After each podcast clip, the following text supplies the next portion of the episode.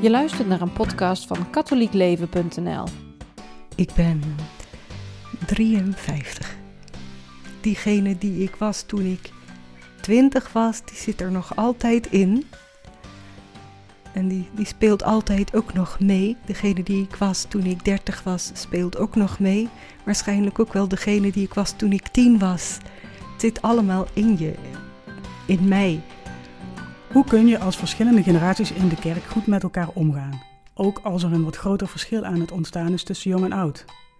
Nu, waar zit je elkaar meer op de lip dan in een klooster?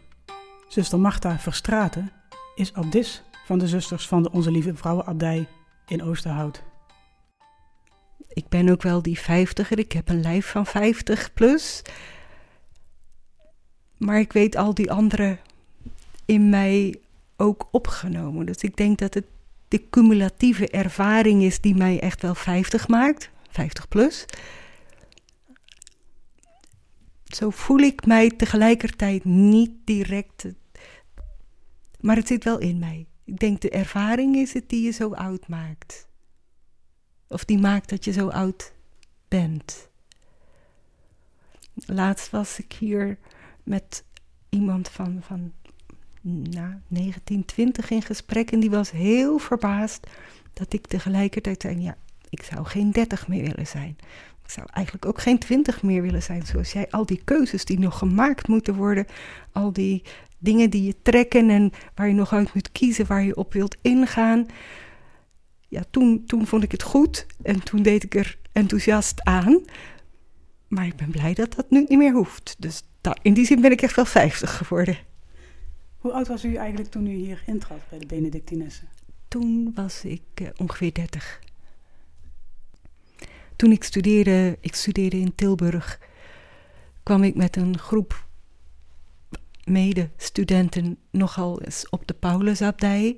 En daar vond ik heel fijn. Heb ik nooit het idee gehad dat ik daar zou moeten zijn. Had ook niet gekund, want dat is, was een, een, een mannenabdij een van degenen met wie ik was, die zei van, ah, je moet daar ook eens gaan, dat is ook mooi. Dat ik altijd nou, waarom eigenlijk, het is hier goed. Ik ben op een gegeven moment toch meegegaan en dat was, vond ik toen, het gezang was voor mijn gevoel heel mooi. De kerk was prachtig. Maar ik vond het doodeng dat ik dat zo vond, want daar had ik zo'n gevoel, oh, ik moet hier zijn. En daar was ik helemaal niet mee bezig. Ik ben dan afgestudeerd, ik ben gaan werken. En ik merkte in het werk dat voor mij heel veel vergaderen, heel veel ook regelen. Ehm, ik kreeg het moeilijk. Ik werkte in de kerk, dus ik was pastoraal werkster. Ik vond het moeilijk om alles te blijven doen vanuit mijn aanvankelijke, ja, hoe zeg je dat, gelovige bevlogenheid. Ben toen een paar keer ook hier uh, op retraite geweest. Dacht toen heel ijverig, nou ik ga dat thuis ook doen, hè, dat koorgebed. Dat lukte mij niet goed op mijn eentje. In de loop van de tijd, ehm, ja, heb ik voor mijzelf gezegd, zo gaat het niet. Ik moet denk ik daar zijn. En toen ben ik hier uh, aankomen kloppen van ja, of ik roeping heb, dat weet ik niet. Uh, maar ik voel mij hiertoe aangetrokken.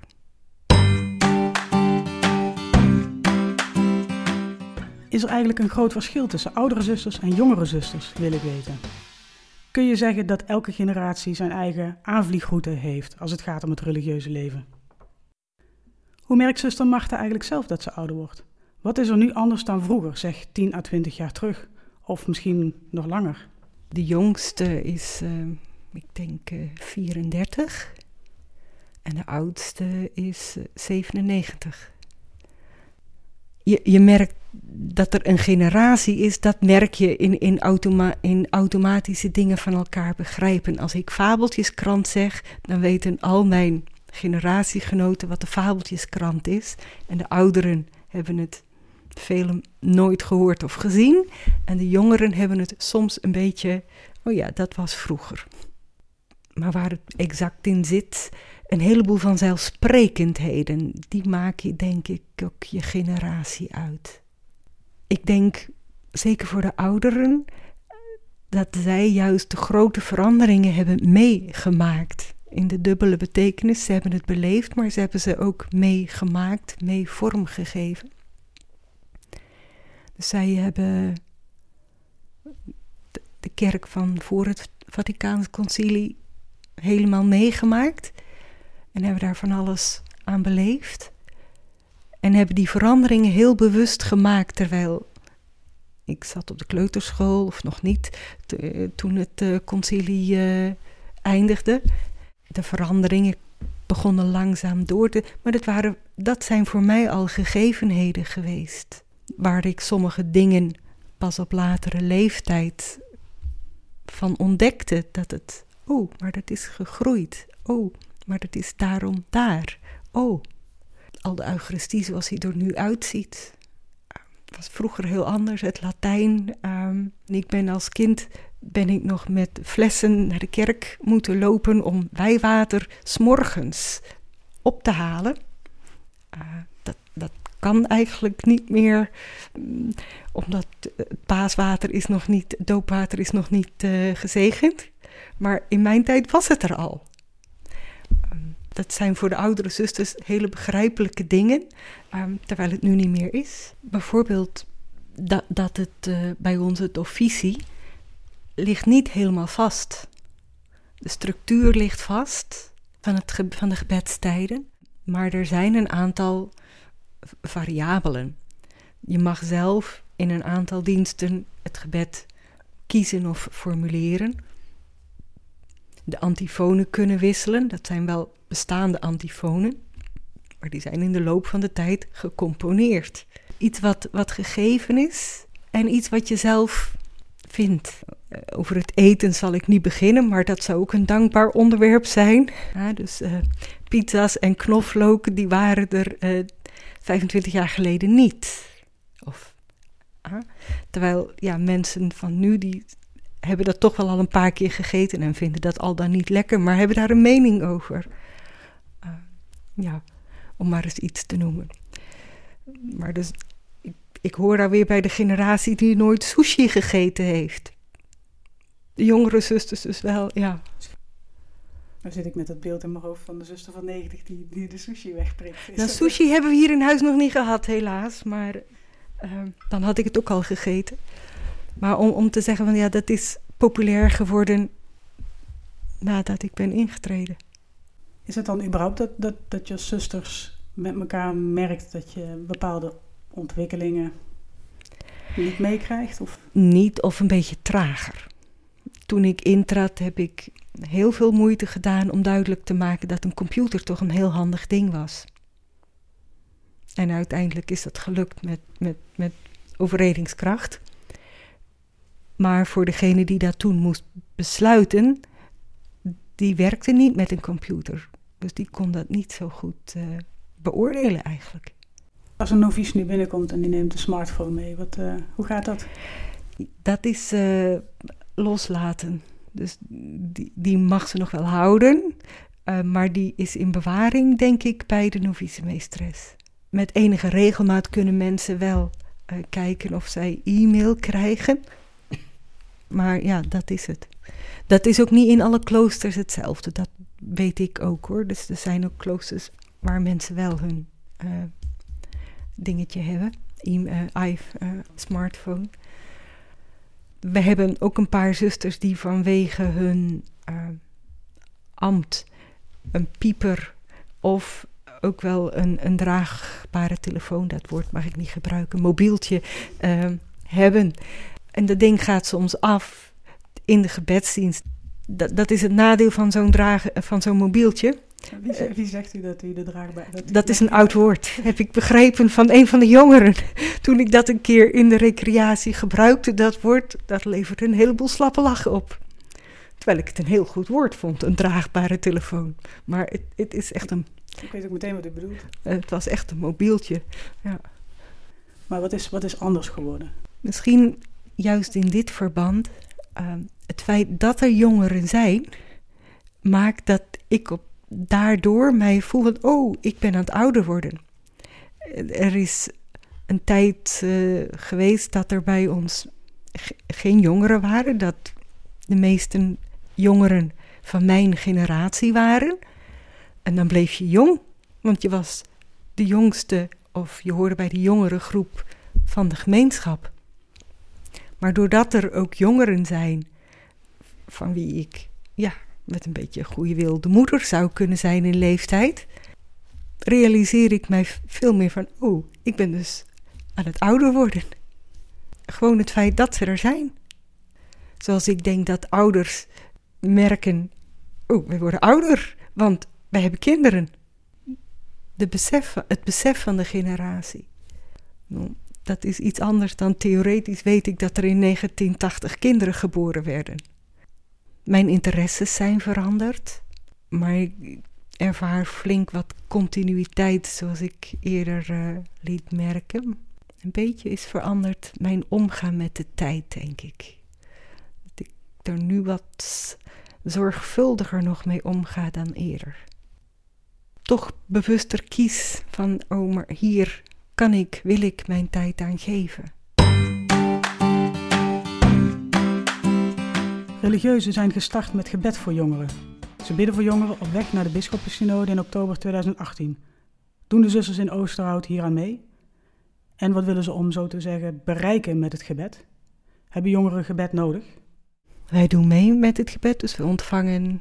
Ik heb nu net een nieuwe e-mail met, uh, met intenties ontvangen. Het, het is.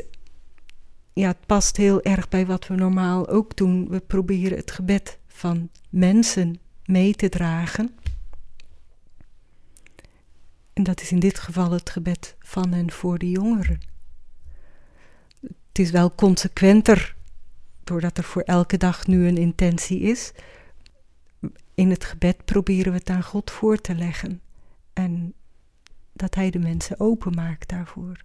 Wij roepen met het gebed, roep ik naar God. En ondertussen werkt God mee daardoor in mij, in de mensen. Hoe gaat mijn leven eruit zien? Dat denk ik dat een van de vragen is waar, waar jongeren mee rondlopen. En het algemeen, algemeen menselijke ben ik aanvaard. Dus dat, dat mensen zich aanvaard mogen weten. Door jongeren vernieuwt de kerk zich, zegt Paus Franciscus. Jongeren staan erom bekend dat ze jeugdig enthousiasme hebben. En tegen hen die twijfelen, zegt de paus: Wat als ik me vergis? Je vergist je meer wanneer je niets doet. Heeft zuster Martha zelf zich in haar jeugdig enthousiasme wel eens vergist? Wil ik graag weten. Ik heb mij regelmatig uh, vergist. Maar ik ben, er nooit, ben er niet rouwig om dat ik mij vergist heb. In die zin van, ik heb er wel van geleerd. En ik weet in zekere zin waarom ik de vergissingen maakte. Of, mijn vergissingen kan ik wel plaatsen of verklaren. En zonder die vergissingen zou ik niet zijn wie ik nu ben. Wat had u gemist als u zich nooit had vergist? Dan had ik waarschijnlijk een heel gemakkelijk leven gehad, wat heel saai was. En dat is het nu niet? Dat is het niet, nee.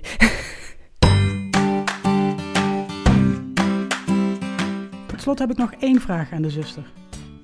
Als zij nu als jongere in zou treden in haar eigen klooster in Oosterhout, waarover zou ze zich dan het meest verwonderen?